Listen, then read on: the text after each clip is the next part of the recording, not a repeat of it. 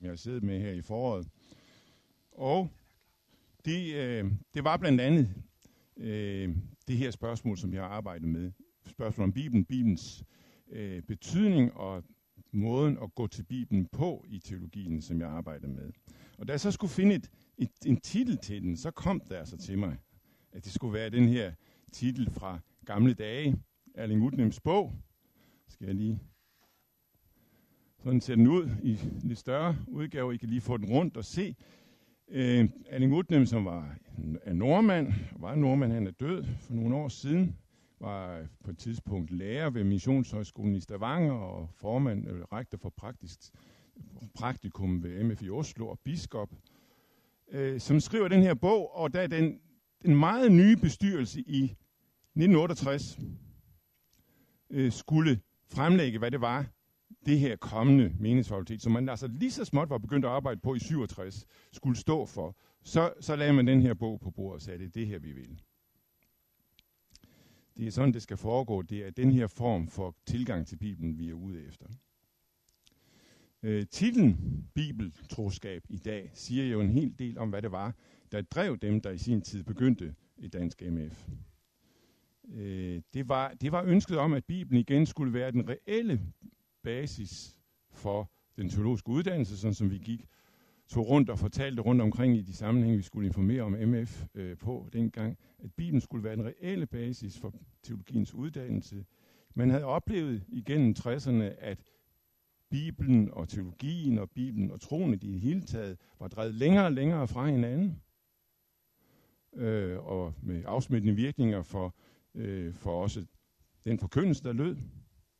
Et af de store navne dengang, det var jo Bultmann og hans forskellige elever. Jeg har bare nævnt en enkelt af dem her. Øh, og han og hans historisk kritiske læsning og hans eksistentialistiske tilgang til, øh, til, til troen betød, at der kom en, et gab, et kæmpestort gab mellem Bibelen og, og troen. Det, som var troens basis, ifølge denne teologi, var jo ikke Bibelen som bog, men det var den aktuelle, den nutidige forkyndelse af ordet. Det var forkyndelsen sådan, som den gik ind i os, som den ramte os, og det var det, der var basis for troen. Ikke Bibelen som bog. Men Jesus som historisk person, han må dog trods alt være en vigtig basis for, for, for troen og udgangspunkt for kristen tro og basis for kristen tro. Nej, fordi ham ved vi simpelthen ikke ret meget om som historisk skikkelse. Fordi der står i evangelierne, er jo menighedens billede af ham, og ofte er det det digtede billede, et billede, hvor i de udtrykker deres tro, mere end det er historiske fakta. De fleste under for eksempel er mere et udtryk for deres tro, end det er et udtryk for, hvad der rent faktisk er sket. Så han kan heller ikke være i sådan et basis for troen. Og når det kommer til Gamle Testamente, nu må jeg lige følge med her. Ja, hvad med den? Jamen, øh, Gamle Testamente var mest at forstå som en negativ baggrund for det, som Jesus kom med, og som okay, Jesus som historisk person, men i hvert fald den første kristens forkyndelse stod for øh, en helt anden billede af Gud, øh, som ikke kunne sættes op i forbindelse med, hvad vi som kristne siger og tror. Så alt i alt er der ikke ret meget af en bog tilbage. Selvfølgelig var der visse grundlæggende ting i Nytestamentet, ting i, i, hos Paulus, som man kunne holde sig til, men der er også meget andet, som ikke var noget, vi kunne øh, bygge på. Det var en begyndende katolisering af troen. Så det var bestemt ikke Bibelen som bog, der var basis for hverken tro eller teologisk erkendelse. Og det var det, som oprettelsen af Dansk MF skulle gøre noget ved. Meningsfakultetet er, er født i det her opgør, født i opgør med den her kristendomsforståelse, født i opgør med den her brug af den øh, historisk kritiske metode, med dens fuldstændig opsplittende, atomiserende øh, tilgang til Bibelen, med alle de mange enkelte dele, og hvor blev helheden af? Hvor blev basis for troen af i alt det her? Og det var Bibelen som det, der skulle være basis for kristen tro, kristen liv, MF ønskede at få tilbage. Sådan så det ud dengang. Hvordan ser det så ud i dag? Hvor centralt er det her i dag? Og skal det være lige så centralt i dag, som det var dengang?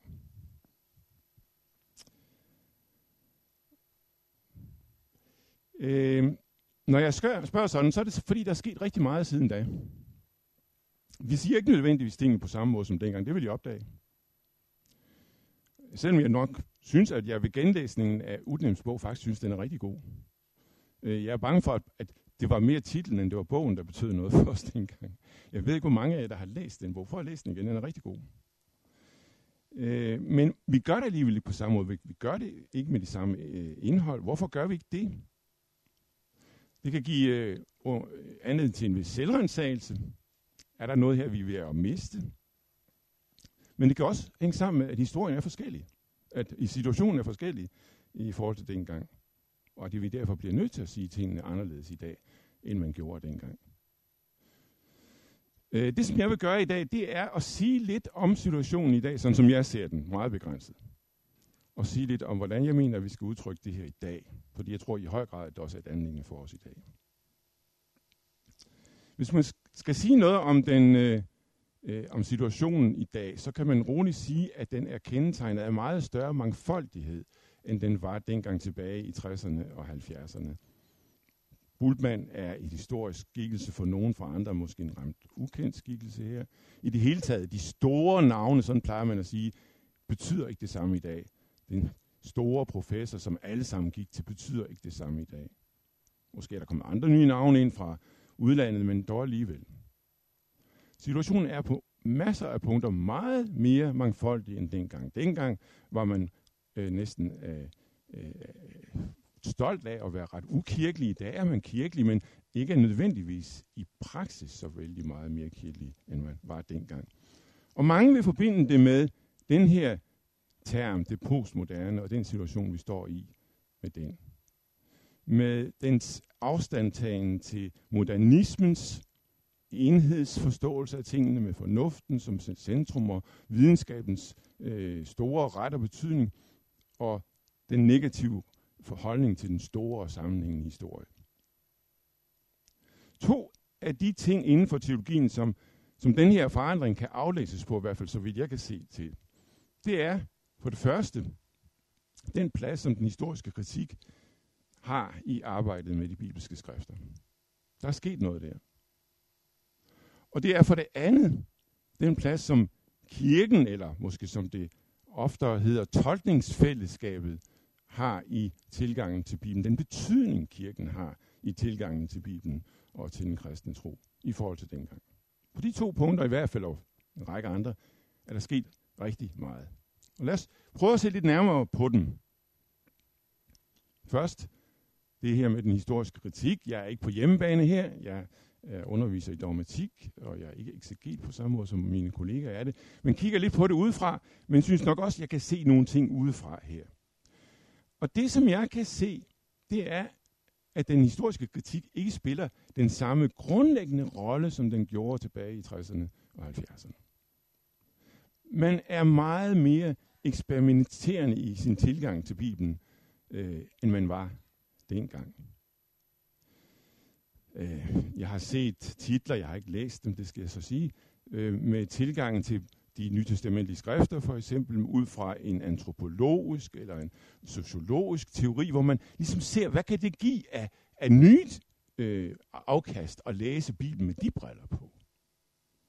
Eller jeg har set titler, hvor det handler om at, at læse et nytestamentligt skrift ved hjælp af øh, en sammenligning med Homer, en klassisk øh, græsk digter. Ikke fordi man egentlig tror, at der er den direkte historiske forbindelse, og man direkte kan få en historisk kendskab til nytestamentet ud fra det, men det er jo interessant. Hvad kan det give af afkast at læse det på den måde der? I det hele taget, så betyder litterære tilgange rigtig meget mere i dag, end de gjorde dengang. Det at læse Bibelen som en helhed med et budskab, i stedet for at skulle ind og se, hvad er det historisk oprindelige i det her, med den opsplitning af teksten, som det ofte ført med sig. Nu læser man den som en hel tekst, med et budskab. Det, det virker i det hele taget, som man er noget træt af, i hvert fald mange er ret trætte af at finde ud af, vi es eigentlich gewesen i det historiske spørgsmål. Øh, på et område, som spiller en stor rolle, da vi startede MF, nemlig spørgsmålet om det underfulde forhold til det, er der også sket en hel del. Her har jeg selv haft lejlighed til at læse noget af det, som, den, som i dag siges om den historiske Jesus. Dengang tilbage i 60'erne og 70'erne. der afviste man, uden at måske gøre så meget ud af, at det ikke fandt sted, men dog afviste man alligevel på god modernistisk vis, at under har fundet sted. Og man opfattede den, som jeg lige kort var inde på, mere som et udtryk for tro, for at sige noget om Jesu betydning for os i dag. Det var produkter af den første menighedsforkyndelse mere, end det var historiske beretninger. I dag, der opererer også ikke-troende nytestamenter helt klart med den, øh, en af det som noget af deres forudsætning, at Jesus har været et usædvanligt menneske, gjort usædvanlige ting, har helbredt mennesker. Man bruger så ikke ord under eller helbredelse om det, man taler om magi, fordi så er man på en vis distance af det og en vis afstand af det, men at der foregik noget, som forklarer, at han fandt, fandt den tilhørskare, som han fandt, og, og at man forstod ham, som man gjorde, og at det spiller en rolle i selve tolkningen af, hvad det var, han ville. Det er noget helt nyt, så vidt jeg kan se, i forhold til, hvad man sagde dengang. Og det gælder altså også teologer, som ikke tror. Det er altså ikke fordi, at man er blevet mere troende, at man gør det sådan her, og man kan se sådan nogle ting. Øh, nogen vil sige tværtimod. Man er kommet så meget på distance af det, så man, man, man gider ikke at, at gå ind i de der spørgsmål, om det er sandt eller ikke sandt. Jo, ja, man går ud fra det som en anden form for virkelighed i hvert fald. Men i hvert fald synes jeg, at man ud fra det her kan se, at der er kommet en større åbenhed i brugen af de historiske metoder. Der er en større mangfoldighed i dem. Man kan tale sin sag, også tror jeg, lidt med baggrund i det postmoderne. Fordi man er blevet øh, man, man står kritisk over for den her vestlige agenda, som siger, at her har vi hele sandheden, mens alt, hvad der ellers findes af primitive synspunkter og tænkemåder, er noget, som vi må tolke inden for vores paradigme. Nej, nu lader vi det stå i en respektfuld omgang med det, og tager det med i vores samlede billede af, hvad det kan være. Det var det ene, hvad der er sket inden for en historisk kritik, sådan i al amatøragtighed og al korthed her. Så det andet område, som jeg synes, man kan se, der er sket en vigtig forændring på, det er altså kirkens rolle for læsningen af, af Bibelen. I, øh, i 60'erne og 70'erne, der, der så man det helt klart som teologiens opgave at tolke den kristne tro inden for et moderne verdensbillede, en moderne forståelse af, hvordan virkeligheden er. Man vil jo nå det moderne menneske med en eller anden form for kristen tro. Det må vi aldrig glemme, at det var det, man ville. Man ville nå det moderne menneske med, med den kristne tro, og derfor prøvede man at tolke kristendommen, nytolke kristendommen, på basis af den grundlæggende forståelse af virkeligheden, vi har i dag. de moderne menneske har i dag. Og samtalepartneren for teologien dengang, det var først og fremmest filosofien, eller videnskaben, eller kulturen, og forsøget på at tolke den kristne tro inden for det. Øh, det, som vi med et bredt ord kalder for liberal teologi. Det var deres anlæggende, deres agenda. På det punkt er der sket rigtig meget. Ikke sådan, at der ikke findes den type teologi mere. Jo, det gør den i høj grad. Men ved siden af det er der vokset en anden teologi frem, og det vel at mærke ikke bare ved kirkelige institutioner som, som MF, men også ved almindelige universiteter, store universiteter, ikke mindst måske i USA, som understreger, at hele det her foretagende, som liberal teologien står for, den her oversættelse af den kristne tro inden for et moderne paradigme, er en misforståelse.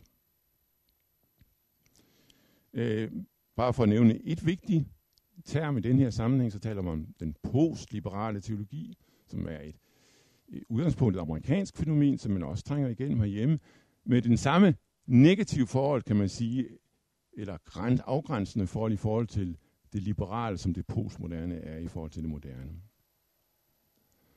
Øh, det, som man siger i den her sammenhæng, er, at enhver forståelse, al forståelse, også den moderne vestlige forståelse, er indlejret i en bestemt kulturel og sproglig sammenhæng. Det vi opfatter som sandheden, som videnskabelig virkelighed, og som ikke er til at komme udenom, og som altid bliver ligesom, øh, hvor rødderne altid bliver søgt tilbage til oplysningstiden, og de erkendelser, der er kommet siden da, er i virkeligheden noget, der foregår inden for en bestemt kulturel ramme, netop præcis denne ramme med udgangspunkt i oplysningstiden. Det er et bestemt sprog, en bestemt kultur og dens tilgang, der i den grad præger det, som man når frem til i den her sammenhæng. Al tankegang, al forståelse er indlejret i en sproglig og kulturel sammenhæng. Så hvorfor oversætte til det, hvis det bare er en bestemt kulturel sammenhæng, vi, vi taler om, hvis ikke det er sandheden? Øh, og det samme gælder selvfølgelig også den kristne tro. Den kristne tro er ikke en sådan en, en nedslag af en eller anden fritsvævende størrelse, der hedder religiøse følelser, som man så kan få en kristen udgave af, man kan få en buddhistisk udgave og andre udgaver af. Den kristne tro er formet af en bestemt religiøs forståelse, en bestemt forståelse af virkeligheden, som er formet lige så meget af en konkret sammenhæng og et sprog, som også videnskaben er formet af. Med sit udgangspunkt i det, i, i Bibelen og den historie, og med hele den kirkelige baggrund og tradition som vigtig ramme for at forstå og trænge ind i den her virkelighed og den her sammenhæng. Og det, som er teologiens opgave her, siger disse folk, er ikke at oversætte det her til en moderne virkelighed. Fordi det er jo at oversætte tro til tro. Men det er at udfolde den her virkelighed. Udfolde, hvad der ligger i den. Og så præsentere det over for en samtid som en bud på, hvad virkelighed er. Ikke så man lukker øjnene for virkeligheden. Ikke så man bare trækker sig ud af den givende virkelighed. Men sådan, at man er skeptisk, så snart den siger, at det her er sandheden. Og derfor også tager det roligt og kommer med sit bud på, hvad virkeligheden er i den her sammenhæng. Og vel at mærke, ikke bare som noget, som vi intellektuelt skal forme og, og udfolde for mennesker, men som noget, der skal have konkret skikkelse, få konkret skikkelse i, i kirke. Det er en, et liv, der skal leves, og det er det, vi som kristne øh, har at byde, på, på, øh, byde verden på i dag. Det her, som er meget kortfattet, berettigt kan få i høj grad mulighed for at, at, at stifte nærmere bekendtskab øh, med det. Lidt hos mig, men i høj grad hos Jeppe Bak Nikolajsen og hos, øh, øh, hos Andreas, som arbejder meget også i den her sammenhæng. Øh, det er ikke det eneste, der er at sige om nutidig teologi, men det er alligevel en del af billedet, noget som der bliver lyttet til, og det er en ny situation. At det her også kan siges i dag på en helt anden måde, end der var sket før. Det er en ny situation. Og øh, det er en situation, som jeg i hvert fald glæder mig over. I høj grad. Der er meget, vi kan bruge her, meget vi kan hente herfra. Øh, men det har også sine udfordringer, den her nye situation. Det har en ny udfordring i forhold til Bibelen og dens plads. Øh, vi har jo kirken og dens fællesskab. Det er jo nogle grundlæggende ting i vores, øh, den måde, man tager, siger tingene på i dag. Vi har kirken og dens fællesskab. Og det er en misforståelse at skille Bibelen ud fra det her. Bibelen er en del af den her virkelighed. Det er inden for den her sammenhæng, den giver mening. Ja, vi har i grunden Bibelen, kun Bibelen, i den tolkede form, som kirken er. Så det med at søge tilbage til en eller anden historisk oprindelse, det er i grunden meningsløst. Kan man på en eller anden måde nå frem til at tænke også inden for den her tænkemåde. Og det samme, det samme gælder enhver isoleret læsning af Bibelen som Guds ord, uden, den, uden relation til den virkelighed, som vi nu står i.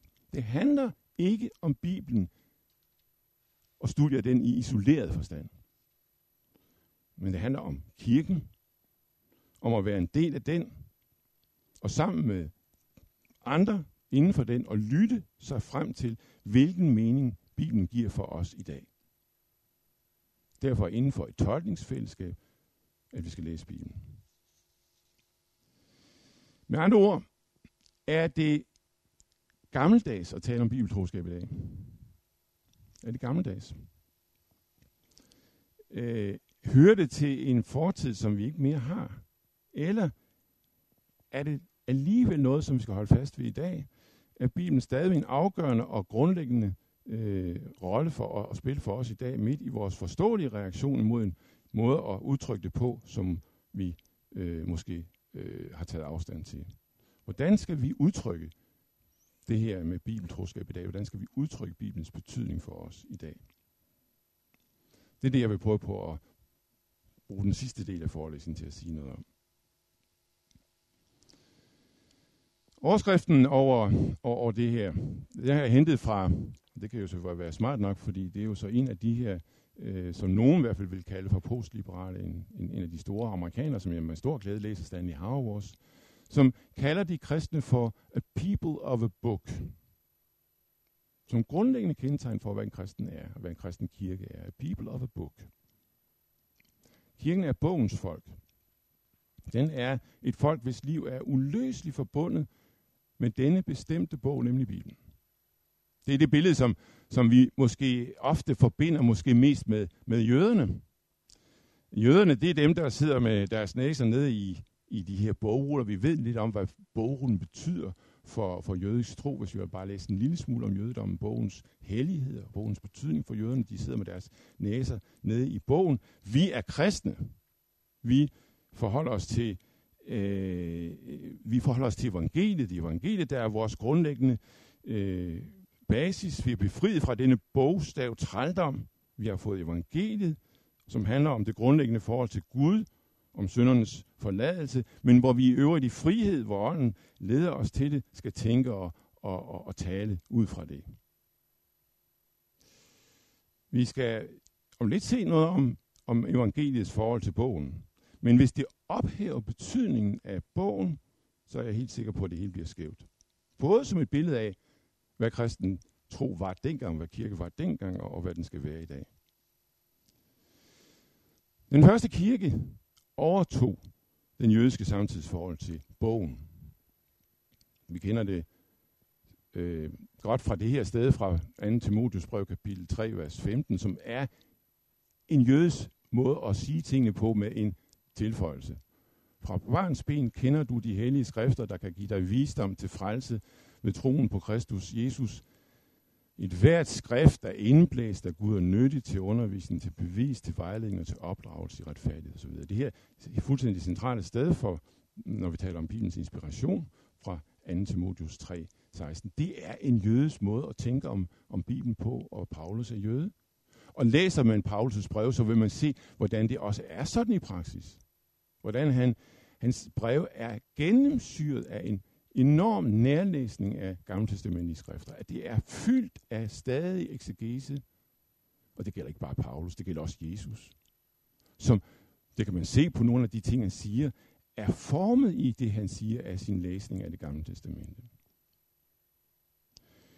Øh, de første kristne, de læser det gamle testamente som bogen. De er et bogens folk. De lytter sig ind til Guds vilje ved at læse i deres bibel. Og det samme gælder kirken i dag, uden at vi skal bruge øh, det med mængde og det med, hvor mange der, hvor, hvor store kirker er som en indikator på de rigtige kirker, så er det da i hvert fald tankevækkende, at de steder, hvor kirken vokser og hvor kirken trives, det er de steder, hvor man har det her forhold til Bibelen. At man er et bogens folk. Det betyder ikke, at kirken er et, et læseselskab. Sådan som Grundtvig sådan et sted lidt negativt siger det om nogle af de vækkelseskristne, som man i øvrigt selv var en del af, at, de, at for dem var kristendommen det at læse Bibelen, og så bliver det for snævert. Bibelen er, øh, kirken er mere. Kirken er et levende folk. Den lever, har sit udgangspunkt i nogle konkrete ting, der er sket med dem. Og den lever ud fra gudstjenesten, sammenhænger med sakramenterne, dåb og nadver og en daglig vejledning. Og op gennem kirkens historie, der er der mennesker, der ikke har haft en bibel. Det skal vi jo ikke glemme. Så på den måde kan kirken, kristendom ikke være kun der, hvor der er en bog, man kan læse i. Men det er ikke desto mindre lige så afgørende, at det bærende i alt det, som har været i kirken, og som også er i dag, må være den her bog. Det er derfra, den øser sit indhold fra, hvis der skal være nogen mening i det. Hvorfor er det sådan? Sådan siger jeg, det er det. Sådan var det fra begyndelsen. Men hvorfor er det sådan? For mig har det været vældig god hjælp at koble det op på noget andet, som, som er med til at kaste lys ind over, hvorfor det er sådan. Man kunne bruge mange tilgange for at forklare det og begrunde, og I har sikkert brugt nogle af dem over for jeres venner, når I skulle snakke med dem om det, om at Gud åbenbarer sig igennem det her, og ordet åbenbaring bliver en, en vigtig term i den her sammenhæng, og den er helt grundlæggende, det er rigtigt. Jeg bruger et andet sammenhæng, og en anden tilgang til det, som jeg har hentet fra, fra denne herre, N.T. Wright, som I kommer til at også høre mere om senere hen. Nemlig at koble det op på dette, at den kristne tro er en del af en historie. Og se kristen tro i nøje sammenhæng med en historie. En historie, som har taget sin begyndelse. Den konkrete begyndelse for, for Bibelens historie, hvor begynder den egentlig af, nogen vil sige tilbage til Abraham, Guds kald til Abraham, hvor Guds folk begynder sin historie. Men nogen vil sige, at det går endnu længere tilbage, fordi også skabelsen er begyndelsen på en historie. Kristen tro er ikke filosofi. Det ved vi godt. Men der er en grundlæggende forskel mellem tro og filosofi, som det er virkelig godt at have med hele tiden. Filosofi forstår jeg her som den forståelse, som et menneske søger at få af tilværelsen og sig selv, ved at, og grunde over tilværelsen, drage sine slutninger ud fra det, som det ser, og det, som andre har set og forstået ved hjælp af fornuften, som en afgørende redskab og kilde. Altså, mennesket går til tilværelsen, ser på tilværelsen, bruger sin fornuft og drager sine slutninger. Det er i bred forstand, hvad filosofi handler om. Og, og det er ikke sådan, at den kristen tro siger nej til enhver beskæftigelse i den her retning.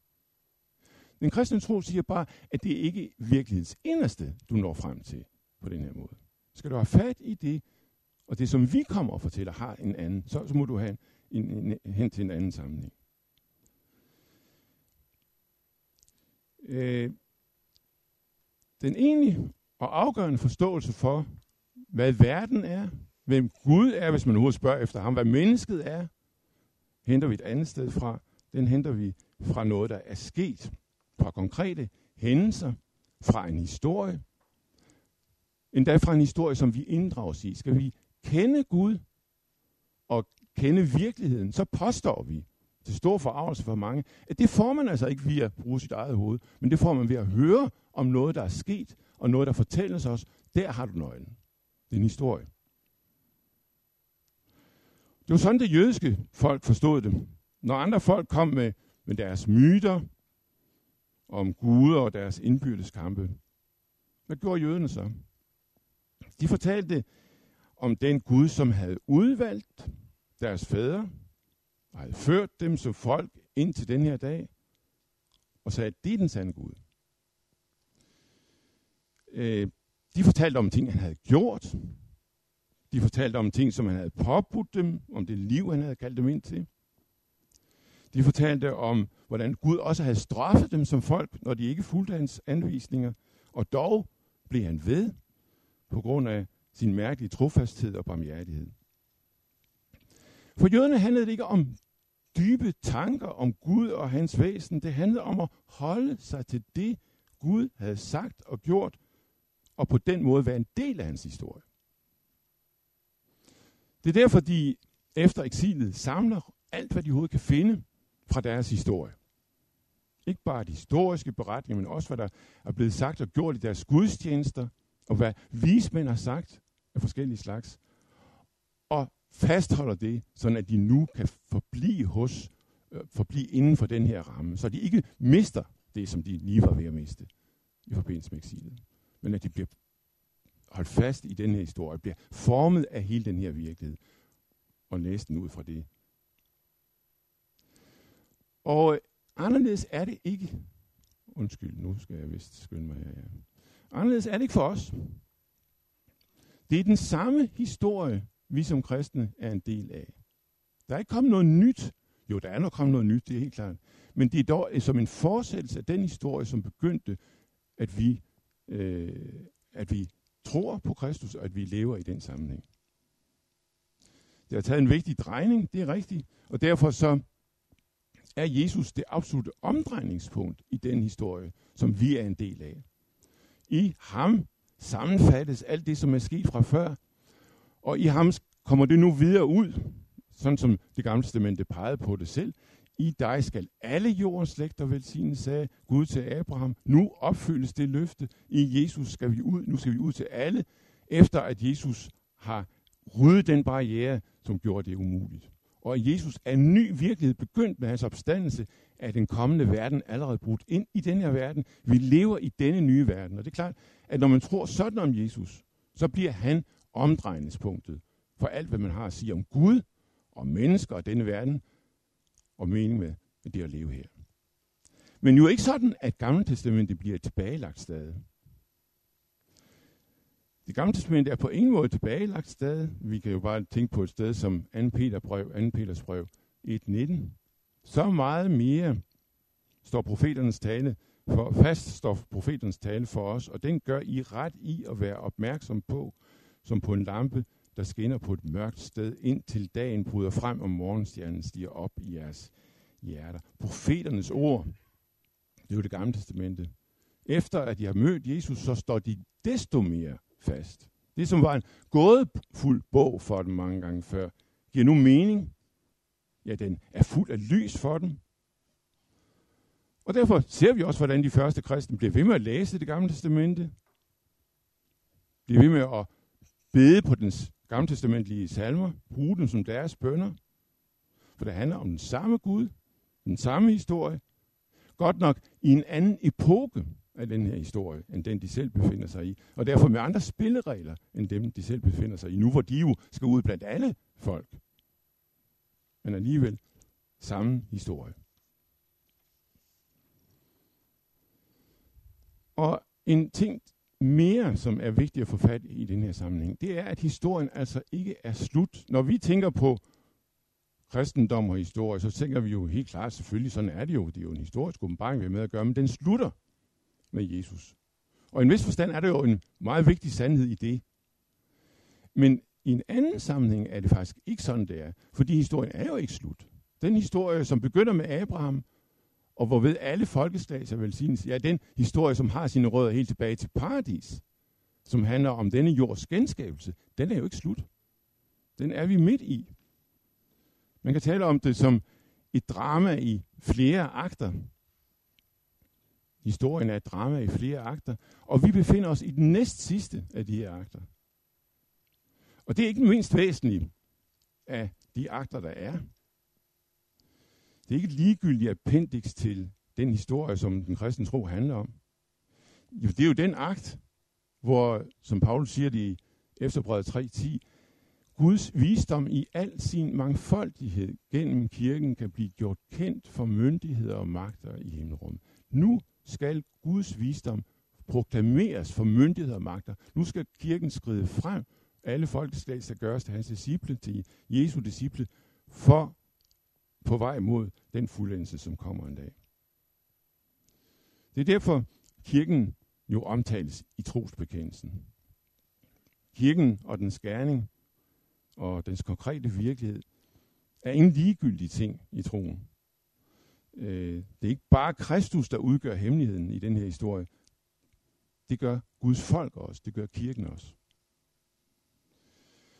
Og når jeg tager det frem, så er det fordi, det har stor betydning for den måde, vi skal forstå Bibelen på, den betydning, som Bibelen har for os på. For det er med henblik på den historie, som vi nu befinder os i, på der, hvor vi er, og vores, hvor kommende generationer er, det er med henblik på det, vi har Bibelen. Det er med henblik på det, at den er Guds ord, og det er den sammenhæng og den ramme, den befinder sig indenfor. Det fremgik jo også fra at det sted fra 1. Timotheus var det så 3.16, som, øh, som jeg citerede fra før. Et hvert skrift er indblæst af Gud og nyttigt til undervisning osv., så, så at det menneske, som hører Gud til, kan blive fuldvoksen, udrustet til al god gerning. Bibelen er der med henblik på noget. Bibelen er der som Guds redskab for, at den historie, som han har begyndt på, og som vi kan til stadighed blive fornyet i ved at lytte os ind til den, skal fortsætte. Skal fortsætte i vores tid, i de rammer, som vi nu befinder os i. Det er der, vi, derfor, vi har Bibelen. Bibelen skal læses som det, den er, nemlig som en bog, Gud har givet, for at vi kan leve i og virkelig gøre vores del af historien. Og det betyder, at Bibelen ikke er en opslagsbog i alverdens spørgsmål. Og læse den sådan og gå til den på den måde, det er at gå fejl af Bibelen. At den er Guds ord hænger sammen med den her sammenhæng, nemlig at det er igennem den Gud former og danner os til at leve i hans historie, og med Jesus som den afgørende omdrejningspunkt. Det er klart, at det her betyder noget for vores forståelse af verden, og gør os skeptiske over for dem, som igennem deres filosofi eller videnskab mener at have fundet løsningen på, på denne verdens gåder. Men det betyder ikke, at vi afviser alt, hvad de har at sige om verden. Det betyder bare, at vi står frie i forhold, i forhold til deres grundforståelse, og at vi tror, at de i bedste fald kun har fat i en fli af denne verdens gåder, og at det er ting af helt afgørende betydning, som de simpelthen ikke har fat i. Jeg kunne sige en hel del mere om det her, men jeg vil hurtigt til sidst vende tilbage til det, som, øh, som jeg begyndte med at sige noget om, nemlig de to områder, hvor tingene er anderledes i dag, end de var øh, i 60'erne og 70'erne i forhold til en historisk kritik og i spørgsmålet om kirkens rolle i, i forhold til troen. Og jeg vil begynde med det sidste. Bibelen og kirken og dens rolle. Meget af det, som jeg har sagt her, er i høj grad præget af den her forståelse af tingene. Jeg tror, vi har rigtig meget at lære af det, og det er med til at åbne op for meget af det, som er Bibelens væsen, og den måde, vi skal læse Bibelen på. Der er en dyb sammenhæng mellem kirke og Bibel, som vi simpelthen går, hvor vi går fejl af Bibelen, hvis ikke vi ser den her sammenhæng, og læser den inden for den her sammenhæng. Bibelen er indvævet i en bestemt forståelsessammenhæng. Og vores forståelse af Bibelen er formet af mennesker, som har forstået den før os, det i sig selv siger noget om, at vi står på skuldrene af andre. Vi læser Bibelen i en bestemt forståelsessammenhæng. Det er ikke til at komme udenom, og det er ikke bare noget, vi skal beklage. Det er sådan, det er. Det er sådan, det vil være, alt det skal være. Kirken er derfor ikke den ligegyldige ting for troen, som nogle af dem, som lægger stor vægt på Bibelen, har en tendens til at sige. Bibelen har en betydning for troen. Og kirken har en betydning for, for, for troen på vores forhold til Bibelen. Men når det er sagt, så bliver jeg alligevel nervøs, når man siger, at vi kun har Bibelen på kirkens præmisser.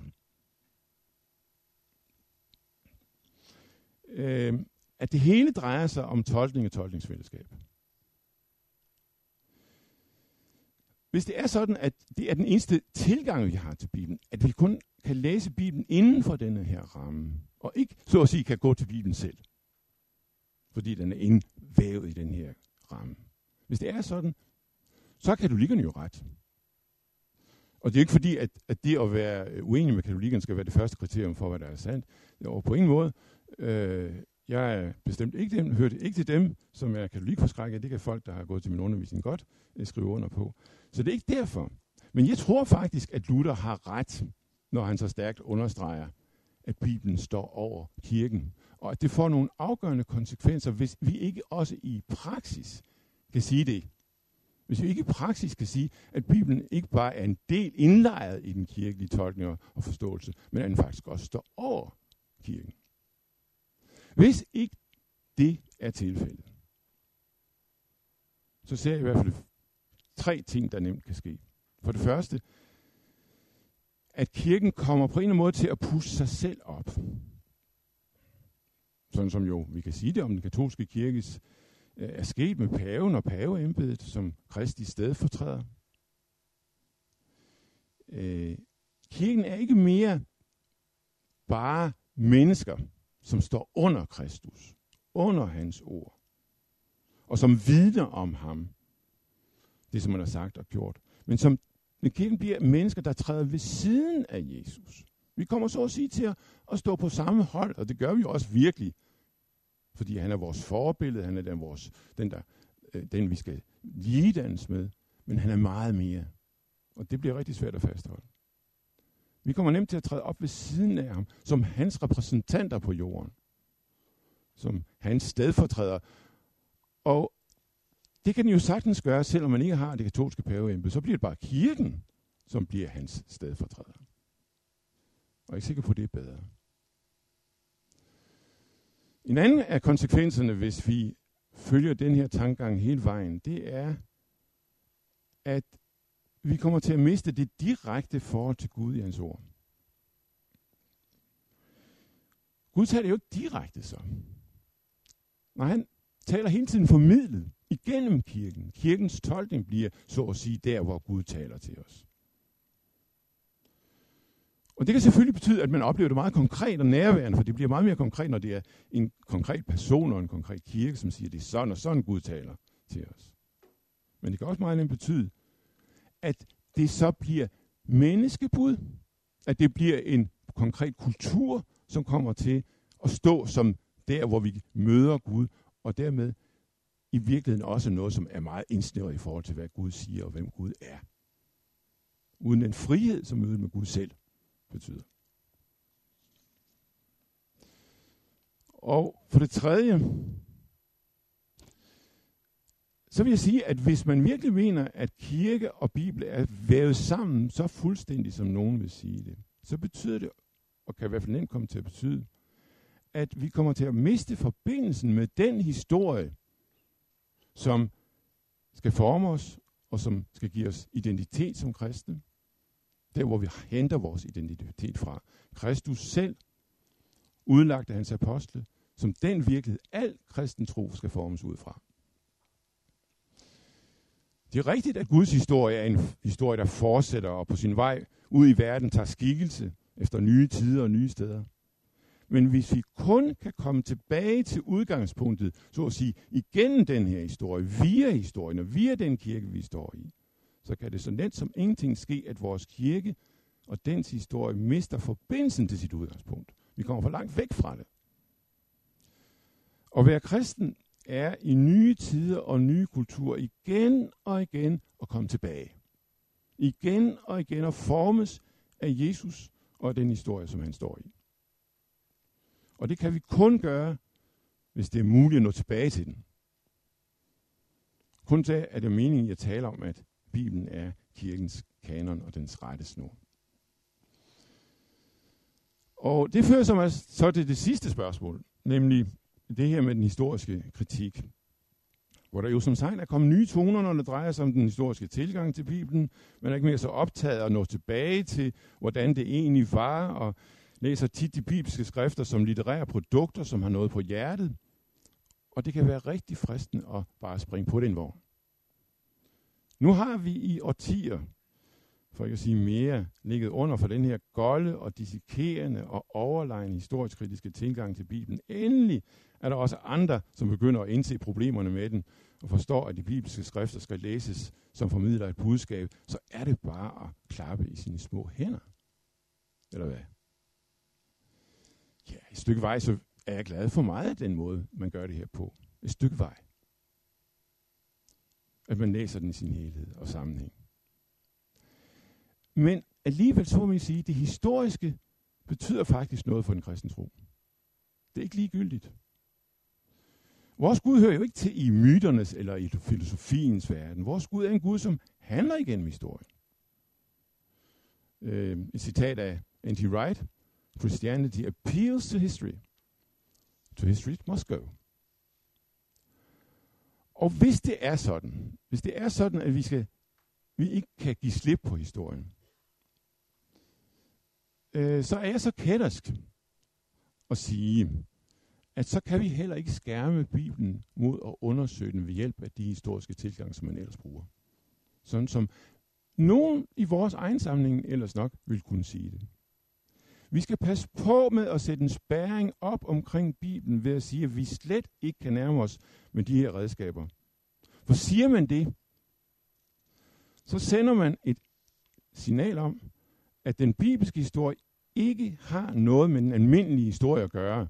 Den historie, som man ellers bruger, så er det nogle redskaber til at undersøge.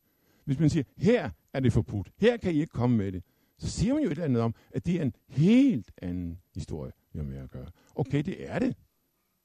Fordi det er Gud, der handler i den. Men det er også historie. Og det skal vi holde fast ved, for at Gud ikke bliver bare en eventyrgud for os selv og for andre. Den historiske læsning har også en funktion mere, tror jeg.